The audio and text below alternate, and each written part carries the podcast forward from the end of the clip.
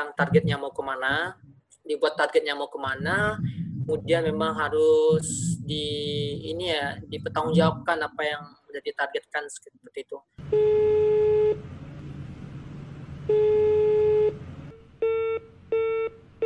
Halo pejuang, apa kabar? Selamat datang di podcast Suara Impian.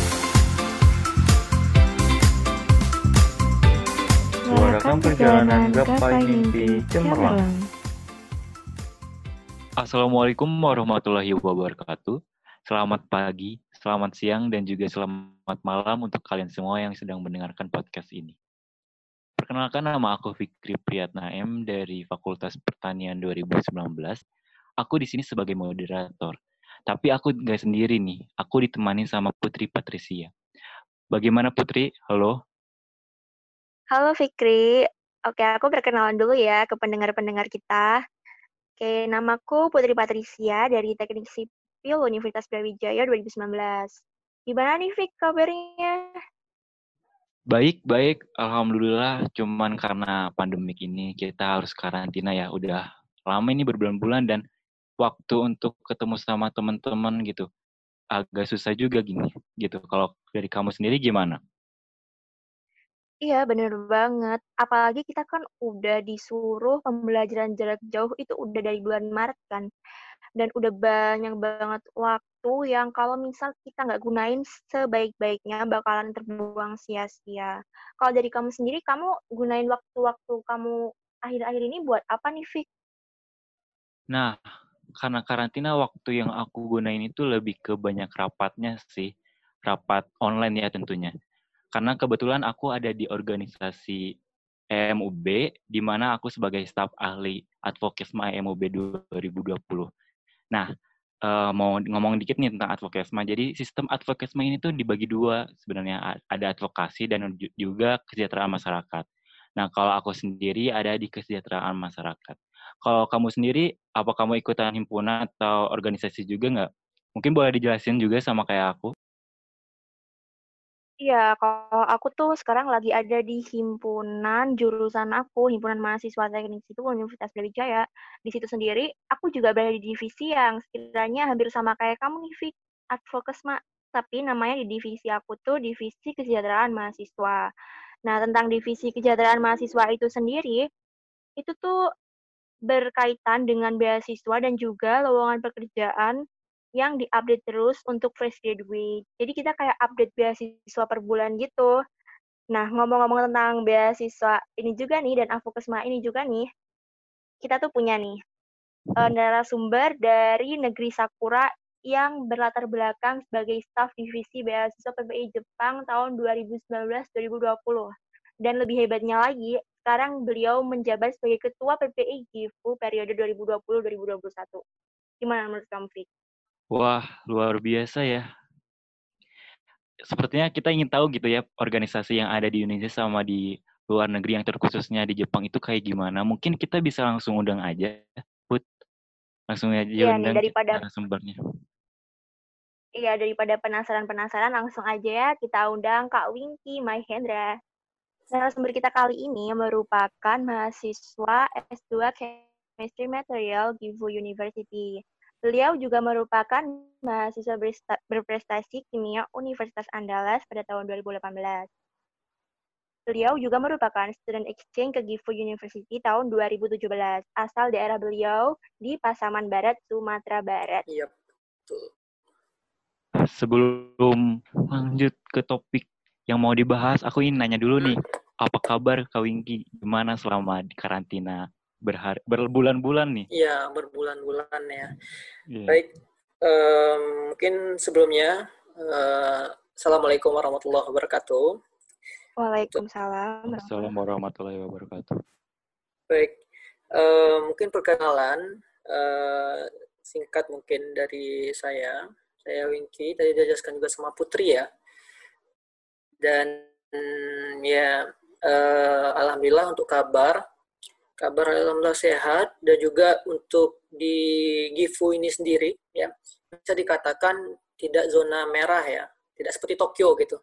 Jadi alhamdulillah uh, tidak terlalu berbahaya untuk uh, COVID di daerah Gifu sendiri ya. Dan untuk kegiatan selama selama COVID ini ya karena nggak terlalu bahaya masih bisa keluar sih seperti itu. Bisa juga masih masih bisa pergi ke kampus alhamdulillah gitu ya jadi kegiatan banyak di kampus kemudian selain itu juga apa namanya karena beasiswa saya di sini juga tidak full dan saya harus juga kerja seperti itu.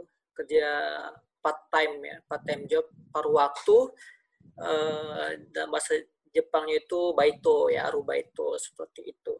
Dan alhamdulillah juga masih bisa pergi ke masjid di sini seperti itu. Ya kegiatan seperti itulah kira-kira uh, Mbak Putri dan Mas Fikri ya oh iya kak mm -mm. jadi masih lancar-lancar aja ya kalau alhamdulillah masih lancar-lancar di sini nggak ada karantina Nah, hmm. langsung aja ke topik yang mau dibahas ya, Kak. Iya, oke, okay, Fikri. Ya.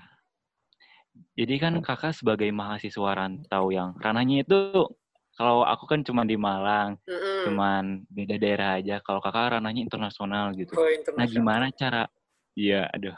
Gimana cara Kakak mengatur waktu di di mana ini kan jurusan S2 chemistry material mm-hmm. yang tentunya sangat susah dan pasti untuk tugas dan nya nggak bisa diraguin lagi lagi gitu seberapa meludaknya.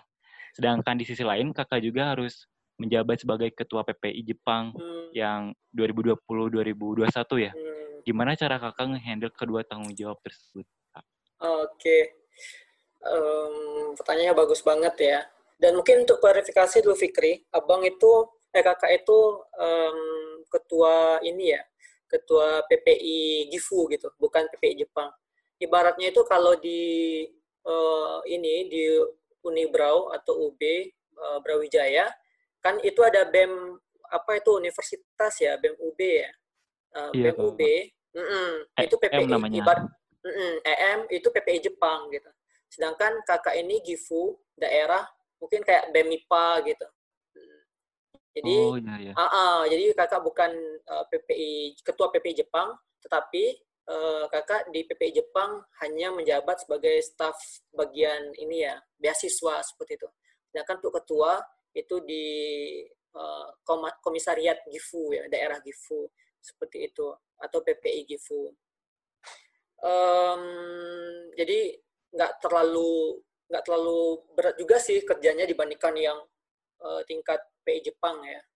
Ya mungkin uh, apa namanya untuk S2 ya Eh, teman-teman tahu kalau PP, uh, eh, S2 itu ataupun master untuk kuliah mungkin nggak terlalu banyak ya nggak terlalu banyak tapi tugas ya tugas dan samalah kayak Indonesia eh, karena kelasnya itu online maka tugasnya itu ada di setiap pertemuan seperti itu.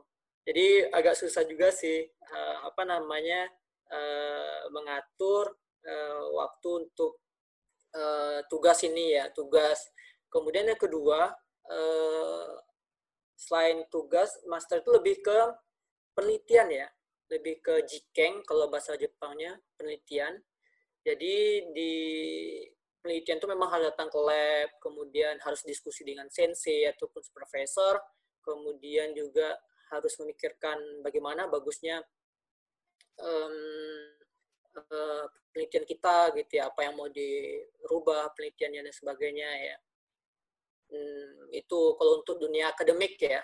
Kemudian untuk PPI GIFU sendiri PPI komisariat karena apa namanya jadi uh, alhamdulillah karena COVID ini jadi programnya juga tidak terlalu banyak karena kebanyakan itu program di PPI GIFU ya karena komisariat ya uh, kecil, kebanyakan itu lebih ke ngumpul-ngumpul gitu Fikri. Tapi karena COVID ini oh, gitu. ya pro, mm, program ngumpul-ngumpulnya nggak nggak uh, banyak yang tidak diadakan karena COVID gitu. Jadi lebih ke kegiatan-kegiatan sharing kah ataupun yang lain-lain gitu. Uh, kemudian juga ya uh, kegiatan saya di sini nggak hanya itu, tambah lagi juga harus kerja part time ya ataupun baito seperti itu uh, kerja part time ya itu uh, ya harus menyediakan beberapa jam lah untuk cari uang ya untuk nambah-nambah seperti itu di uh, nambah-nambah uang jajan dan juga untuk memenuhi kebutuhan di GIFU sendiri seperti karena beasiswanya nggak full. Ya caranya memang apa yang menjadi prioritas ya diprioritaskan gitu. Contohnya kayak tugas kalau memang best uh, dikumpulnya depan ya ya memang harus disiapkan secepatnya ya. Se um, contohnya memang jangan sampai deadline lah ya. Karena juga di Jepang itu itu yang bisa uh, kakak pelajari sih on time-nya seperti itu. Kemudian uh, ya kemudian ya memang pertama tadi prioritas ya yang mana yang lebih diprioritaskan ya dikerjakan seperti itu. Yang kedua ya untuk manajemen waktu ya manajemen waktu memang uh, ya memang dibuat schedule ya. Ini juga selama di di Jepang ini juga abang eh kakak itu uh, banyak membuat schedule yang tersusun rapi dibandingkan dulu di kampus S1 gitu.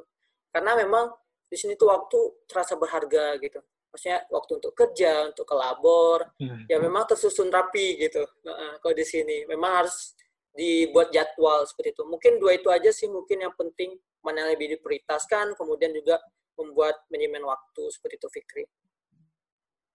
Nah, kayak yang kakak bilang tadi, kakak kan part time kan nih. Iya, Apalagi kalau ya kalau boleh tahu sekarang kakak lagi libur atau lagi aktif kak kuliahnya? Oh, oh gitu. Sekarang eh, pekan ini itu namanya ada liburan eh, di Jepang, obong namanya. Bagi orang Jepang oh. itu uh, obong itu kayak waktu mereka untuk uh, menyembah uh, apa namanya Tuhan mereka lah ibaratnya seperti itu. Kepercayaan mereka pergi ke kuil ke uh, atau di rumah aja dengan mungkin uh, ya sholat sholat mereka lah seperti itu. Jadi libur tiga hari ya hari Jumat hari Jumat Sabtu sama uh, Ahad ini ya. Eh Kamis juga kemarin. Kemudian hari Senin itu uh, memang hari libur, hari gunung. Hari gunung jadi libur kalau di sini memperingati gunung gitu. Dan Selasa, Rabu, Kamis juga ini ya. Selasa, Rabu itu orang uh, ada yang ke kampus juga karena ya udah ma masuk waktu liburan juga sih di sini seperti itu. Oke, okay. um, berarti sebenarnya di, di Jepang tuh tradisinya kayak ya hampir sama kayak di Indonesia, masih kental. Nah, ngomongin juga nih tentang kerja part time kakak yang tadi kakak bilang tuh. Kalau boleh tahu apa tuh kak kerjanya dan plus minusnya apa dan kalau boleh tahu uh, fee-nya gajinya berapa, seberapa beruntungnya gitu, hmm. bermanfaatnya bagi mahasiswa mahasiswa rantau di Jepang tuh kayak gimana kalau jadi part time gitu. Oke. Okay.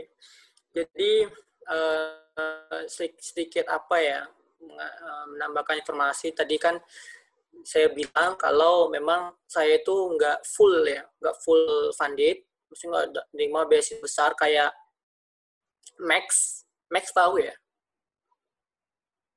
Um, ya saya sendiri kurang tahu nih oh, kurang tahu ya kalau okay. tahu dijelasin jelasin dikit ya oke. Okay. ya ya oke oke. Jadi Max itu beasiswa uh, of Ministry of Education dan olahraga seperti itu.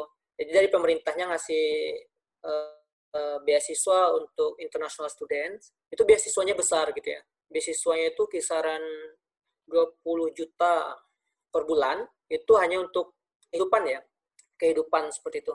Tapi mereka itu nggak boleh kerja gitu, nggak boleh kerja harus memang dituntut belajar ya sama kayak LPDP lah seperti itu memang dituntut belajar nggak boleh ada kegiatan apa namanya kerja paruh waktu ya. Tetapi yang kakak itu beasiswanya beasiswa dari kampus di university sendiri. Dan itu beasiswanya ya kisaran 5 juta ya 5 juta 5 juta rupiah kalau atau 6 juta kisaran seperti itu. E, sebenarnya untuk beasiswa 6 juta bisa ya untuk menghidupi kehidupan di Gifu. Karena di Gifu bisa dikatakan murah ya dibandingkan yang lain. Karena di kampung-kampung seperti itulah masih di kampung makanya lebih murah asramanya juga murah banget. Uh, itu kemarin diskusi sama Mas Imam, temannya Mas Jerome, itu ketika saya bilang cuma 10 ribu yen, ibaratnya kasih 10 ribu yen itu satu um, juta ya, sudah tiga ratusan lah kira-kira per bulan sudah masuk wifi dan sebagainya gitu ya. Dan mungkin untuk uang makan ya kalau kita hemat ya, insya Allah bisa bisa cukup lah hmm. dengan uang lima mang itu. Tetapi ya, tetapi ini uh, ada satu hal yang ini ya uh, yang penting gitu baito gitu. Baito ini ya uh, menarik sekali gitu. Dan kami yang teman-teman kakak juga yang nggak dapat beasiswa Max, yang dapat beasiswa di sini, yang harus kerja part time tuh, ya apa namanya selalu bilang gitu, uh, asik ya kita yang nggak dapat beasiswa full, kita bisa baito, kita bisa pertama itu kalau kita baito kita dapat gaji, gajinya itu kalau ini ya per ha, dia kan gaji per jam, ada yang paling minimal itu 700 800 lah, 800 yen, kisaran 100 ribu ya. Paling besar itu 1000 yen atau 1100, kisaran 150 seperti itu. Dan biasanya kami kerja sama teman-teman itu hari Sabtu sama hari Ahad ya, hari libur, itu dari pagi biasanya 9 gitu, sampai jam 5 sore. Itu kesan 8 jam. 8 jam kali 1.800 8.000 yen itu kisaran 1 juta rupiah lah gitu. Satu hari dapat satu juta ya wah parah. Kalau itu ya kalau per bulan itu gajinya lumayan ya lumayan besar juga bisa ngalahin PNS yang ada di Indonesia lah gitu iya. itu juga sih sama teman-teman iya. sama-sama teman-teman kakak uh, uh, bisa ngalahin gaji PNS gitu besar besar banget kemudian kerjanya juga iya. asik gitu nggak terlalu mm -mm. dan juga perlu bahasa Jepang sih nah, tapi bahasa iya. Jepangnya iya. bahasa Jepang mm -mm, salah paham uh, kita iya, mungkin salah salah grammar, nah, salah iya, kotoba, iya. hmm, hmm. tapi orang paham gitu. Ya. Nah itu ngomongin sih. tentang ya ya kak, ngomongin tentang bahasa gitu kan berarti jadi permasalahan utamanya gitu ya di bahasa karena hmm. berbeda juga gitu. Nah itu cara ngatasinya kayak gimana dan untuk menyesuaikannya kakak kayak gimana tuh? Hmm, Oke, okay. jadi kalau kakak ya kakak juga udah pernah belajar dulu di sebelum pergi ke Jepang itu belajar juga uh, les di BLK Balai Latihan Kerja dan itu program dari pemerintah juga alhamdulillah waktu itu jadi kakak nggak bayar alhamdulillah selama satu setengah bulan kakak udah dapat basic lah seperti itu. Basic uh, bahasa Jepang. Jadi di sini tuh cuma ngembangin. Ngembangin maksudnya ya grammar udah udah ini kemudian uh, hanya mempelajari uh, kosakata aja ya. Dan namanya kita selalu ngomong dengan orang Jepang gitu ya. Dan juga ketika kerja, ketika di kampus juga karena di lab kakak ini mayoritas itu orang Jepang, hanya ada satu orang uh, Indonesia ya, kami berdua. Oh ya, ada juga orang Malaysia udah tamat. Ya, jadi karena banyak orang uh, Nihonjin atau orang Jepang, jadi banyak praktis gitu. Intinya itu kalau udah kita udah praktis, sudah ini udah lancar insya Allah gitu. Kalau mungkin Indonesia kita susah, karena kita jarang praktis, kita jarang praktek ya. Sini karena kita sering praktis makanya uh, dang-dang kita jadi bisa gitu. Lambat laun kita bisa bisa lebih lancar bahasa Jepangnya seperti itu, Fikri. Iya iya. Uh, tapi hebat banget loh kak. Saya sendiri nih dulu SMA saya tuh ada bahasa Jepang tiga tahun dan sampai sekarang saya kayak belum lancar kak, gak sehebat Kak Wingki dan tentunya juga nggak sehebat kalau kita ngomong-ngomong langsung ke praktik langsung ke kehidupan kita sehari-hari gitu. Mm-hmm. Nah, ngomongin tentang Kak Wingki ini kan staf di divisi beasiswa tahun lalu ya, Kak? Hmm, sekarang masih masih apa namanya masih menjabat sebagai staf. Insya Allah bulan Oktober bakalan lancer di PPI Jepang ya. seperti itu. Mm-hmm. Oke, okay. nah kalau di Indonesia sendiri sendiri tuh ada juga kak kayak divisi beasiswa itu hmm. saya sendiri dan juga Fikri itu seperti itu. Hmm. Kalau Fikri berada di eksekutif mahasiswa, yeah. kalau saya di himpunan jurusannya. Hmm. Nah, kalau boleh tahu job desk-nya di staf divisi beasiswa di PPI itu kayak gimana kak? Mungkin kan ada nih perbedaannya sama organisasi di dalam negeri. Oke hmm, oke. Okay, okay. Kalau kami di sini staf beasiswa itu lebih fokus ke hmm, ini ya uh, memberikan informasi ataupun uh, pengalaman dari awardee atau penerima beasiswa melalui live Instagram lebih ke sana sih uh, program kerjanya lebih ke sharing pengalaman seperti itu Fikri dan Putri ya. Dan rencananya itu uh, apa namanya untuk beasiswa ini diadakan lebih ke ini juga sih pembuatan apa namanya beasiswa khusus dari PP Jepang gitu. Untuk mahasiswa yang ada di Indonesia yang mau melanjutkan uh, kuliah ke Jepang yang nggak ada beasiswa gitu. Jadi dari PP Jepang itu coba buat uh, inisiatif buat apa namanya scholarship khusus dari PP Jepang. Dananya itu kita coba diskusikan dengan KBRI atau mungkin dari iuran uh, mahasiswa yang ada di apa namanya di Jepang sendiri atau mungkin dari uh, masyarakat Indonesia yang ada di Jepang seperti itu. Jadi konsepnya mau buat beasiswa khusus gitu, tapi um, tidak terlaksana karena ada beberapa kendala seperti itu ya uh, dari apa namanya pengurus sendiri. Jadi tidak terlaksana. Jadi sekarang itu hanya fokus ke sharing pengalaman aja gitu, Fikri dan juga Putri. Kalau di Indonesia bagaimana? kalau di Indonesia sebenarnya hmm. hampir sama kak kayak kakak kayak apa namanya live sharing-sharing tentang beasiswa kayak gitu. Hmm. Tapi kalau di sini kita kan juga mengurus tentang uh, mahasiswa-mahasiswa di universitas hmm. kita kan, jadi kita kayak update gitu kak berbulan uh, beasiswa mana nih yang udah membuka pendaftaran pada bulan tersebut kayak gitu. Hmm, kalau kak dari Fikri gimana? Kalau dari aku juga iya, karena kebetulan di advokasma ini kan ada namanya advok advokasi gitu. Hmm. Ada bagian advokasinya yang di sana khusus untuk memberitahu informasi-informasi mengenai beasiswa maupun ada di tingkat fakultas maupun di tingkat universitasnya hmm, gitu. Gitu ya. Pemberian hmm. informasi ya. Iya, informasi sama. tentang hmm. Iya, hmm, hampir sama. Hampir sama. Sebenarnya gimana ya? Di sini ya di PPI Jepang itu uh, bisa dikatakan tidak tidak banyak program yang apa namanya yang membutuhkan waktu ya kayak S1 itu kan banyak program yang memang harus fokus ya ngerjainnya. Maksudnya S1 itu memang uh, kuliah nggak terlalu ba banyak juga tuntutannya ya, mungkin lebih ke tuntutan. Makanya yeah. kakak juga dulu ke TKS 1 itu aktif organisasi gitu. Tapi ketika di sini, di sini ya di Jepang karena teman-teman yang kakak lihat itu ketika S1 nggak ada organisasi, kemudian yang kedua Eh, karena fokus juga uh, kuliah ya. Tujuan kami ke sini untuk kuliah bukan untuk organisasi. Sehingga memang nggak ini nggak banyak uh, apa namanya teman-teman yang di PPI Jepang itu yang aktif gitu ya.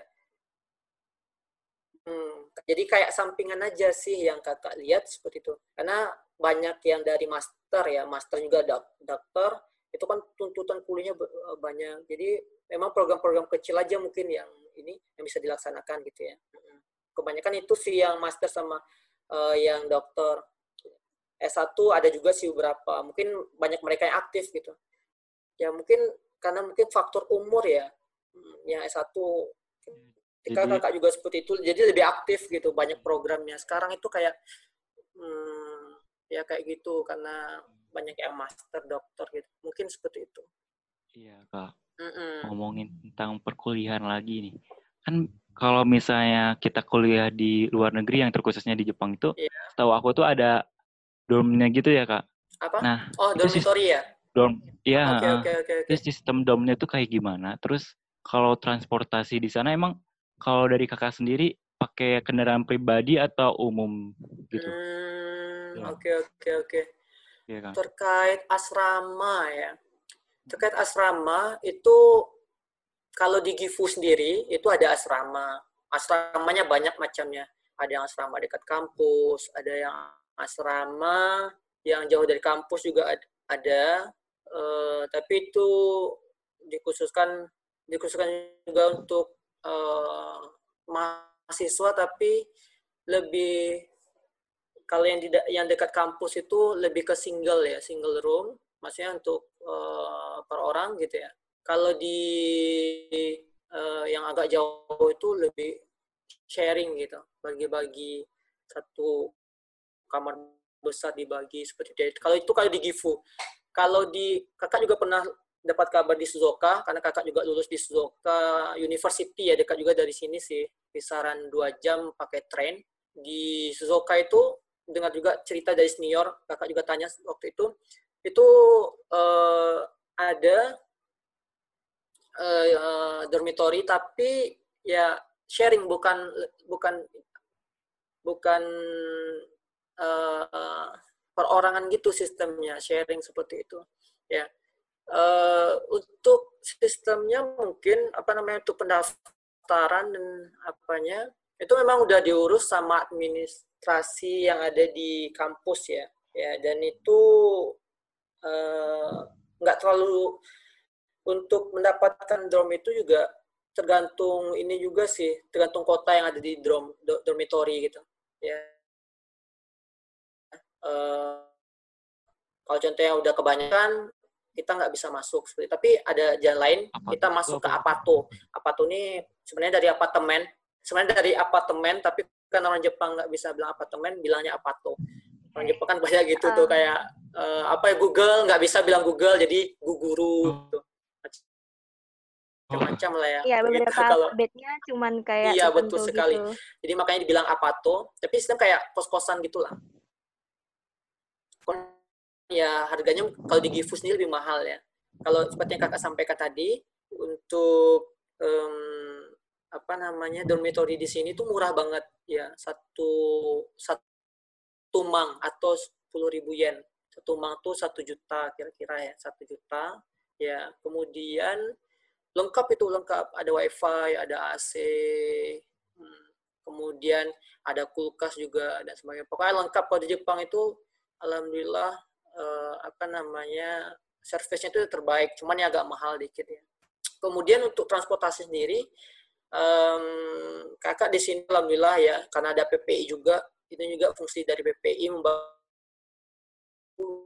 yang akan masuk di sini jadi kakak itu disediain semua ya kayak uh, Magic Gear dan sebagainya, sepeda ya. Sepeda itu disediakan oleh PPI alhamdulillah sampai sekarang kakak masih pakai sepeda. Jadi alhamdulillah untuk transportasi sendiri nggak bayar ya. Alhamdulillah untuk uh, sepeda juga disediakan oleh PPI, ini nggak bayar uh, pergi ke kampusnya. Tapi kalau untuk transportasi sendiri di sini um, bisa dikatakan ya murah lah ya murah. Kalau dibandingkan Indonesia mungkin yang mahal karena kita beda kurs ya. Tapi kalau di Gifu insya Allah murah. Kisaran 30 ribu seperti itu dari uh, Daigaku dari kampus ke uh, Eki ke stasiun ya. Mungkin kayak kayak mana ya? Kakak juga belum pernah ke, ke ini sih ke Malang eh, ke apa namanya Brawijaya itu jaraknya berapa ya? Mungkin ya kayak jarak-jarak setengah jam pakai bus gitulah harganya uh, ya 30 40 seperti itu. Untuk transportasi dan juga dormitory di sini, Fikri. Oke. Okay. Nah, nggak kerasa banget nih kan kalau kita udah hampir 30 menit aja kita bincang-bincang ah, di sini. Udah 30 menit ya? Iya, ya, udah hampir 30 menit. Sebelum kita mengakhiri bincang-bincang kita kali ini nih Kak, boleh dong share tips dan trik untuk bertahan hidup di negeri orang dengan segala prestasi dan keaktifan organisasi ala Kak Winky. Hmm, oke. Okay. Jadi tips dan trik untuk bertahan hidup di negeri orang ya. Um, ya. Pertama tadi yang saya sampaikan ya, uh, apa namanya uh, bagi-bagi waktu, manajemen waktu ya ini penting sekali dan ini manajemen waktu ini memang bisa didapatkan dari uh, berorganisasi ketika S1. Jadi kalau udah terbiasa di S1, ketika kita S2 nggak nggak canggung lagi ya. Mungkin hanya lebih ke improvisasi ya, kita improve dahulu manajemennya bagaimana, sekarang di luar negeri bagaimana gitu ya. Jadi pertama itu manajemen organisasi, uh, manajemen waktu ya. Jadi uh, memang dibuat schedule ya. Dan di sini juga bagusnya memang uh, apa terkait weather, weather uh, cuaca di sini tuh kebanyakan itu memang akurat ya. Ya, jadi ketika hari hujan, kita udah tahu, oh nanti hujan, oh besok hujan itu, besok lagi hujan. Apa yang kita uh, jemur pakainya memang hari ini, jangan besok, karena besok hujan. gitu. Jadi banyak sekali faktor-faktor pendukung di sini. Jadi ketika ya, jadi dalam menyimpan waktu kita lebih mudah seperti itu ya jam waktu kita udah pergi kampus jam berapa ya dan sini juga kebanyakan ke kampusnya itu jam-jam 9 ya dan kalau sekarang ya itu subuhnya karena musim panas panas banget uh, subuh itu lebih lebih cepat ya jadi jam jam 3 uh, eh, subuh jam 4 atau setengah lima tuh udah terang ya dan itu seharusnya itu manfaat lebih ya bagi kita mungkin yang biasa subuh kita sebagai muslim pagi itu bisa kita gunakan untuk belajar gitu. Jadi waktu kita lebih banyak ya. Kemudian tidurnya ya jam karena jam 10 uh, eh, kita bangun jam 3 untuk sholat subuh habis itu kita apa namanya belajar pagi-pagi kan lebih bagus belajar ya. Jadi memang waktu um, waktu uh, pagi kita bisa belajar seperti itu. Alhamdulillah banyak uh, support. Maksudnya kayak wifi dan juga yang lainnya. Jadi itu semakin mungkin kemudian yang kedua yang penting juga untuk bertahan di sini ya. Ya karena kita jauh dari lingkungan eh, Indonesia maksudnya kita sini minoritas ya. Ya kita harus berbaur gitu sama Indonesia. Dan itulah fungsi juga PPI Persatuan Pelajar Indonesia itu sebagai itu wadah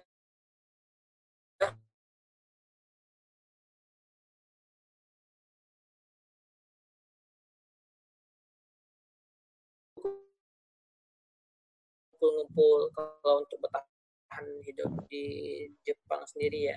Kemudian untuk aktif ya, uh, dan memang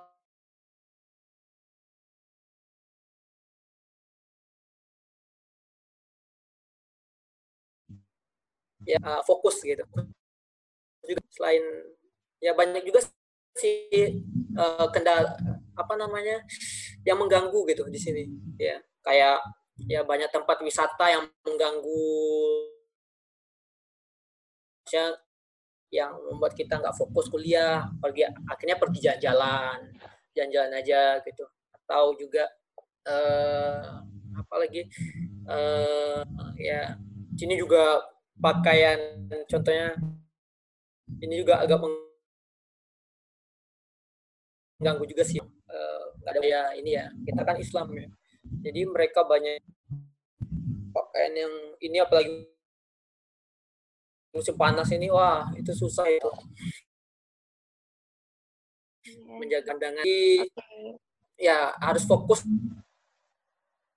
ya dengan tujuan kita gitu kalau kita mau lihat di sini ya memang oh. harus fokus seperti itu mm -mm, fokus ya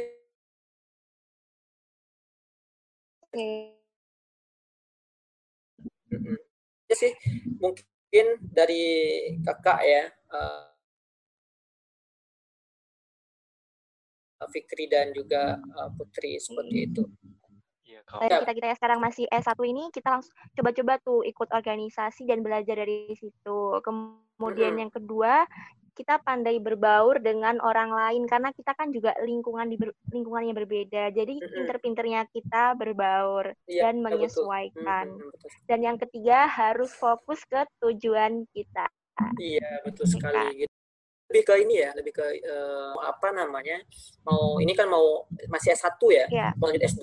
Jadi memang dibuat sekarang targetnya mau ke mana, dibuat targetnya mau ke mana, kemudian memang harus di ini ya dipertanggungjawabkan apa yang sudah ditargetkan seperti itu. Terutama mungkin bahasa Inggris itu kalau mau ke luar negeri memang perlu ya bahasa Inggris gitu. Bahasa Inggris nggak perlu juga sampai be, sampai apa namanya IELTS-nya sampai 7 karena itu kan terlalu juga sih. Yang penting bisa komunikasi. Kalau di Jepang ya, di Jepang sendiri seperti itu. Dan juga sering tanya-tanya kepada yang udah berpengalaman gitu. Yang udah kuliah di sini, penerima beasiswa di sini seperti itu. Mungkin itu tambahan sedikit. Oke. Nah, itu tadi merupakan penjelasan dari Kak Winky. Di episode kali ini, kita yang membahas tentang serba-serbi cerita kehidupan mahasiswa berprestasi di negeri Sakura. Semoga ilmu dan informasi yang diberikan dapat bermanfaat bagi seluruh pendengar podcast Suara Impian. Kami selaku moderator pamit undur diri. Sampai jumpa di episode selanjutnya. Salam Gapai Mimpi.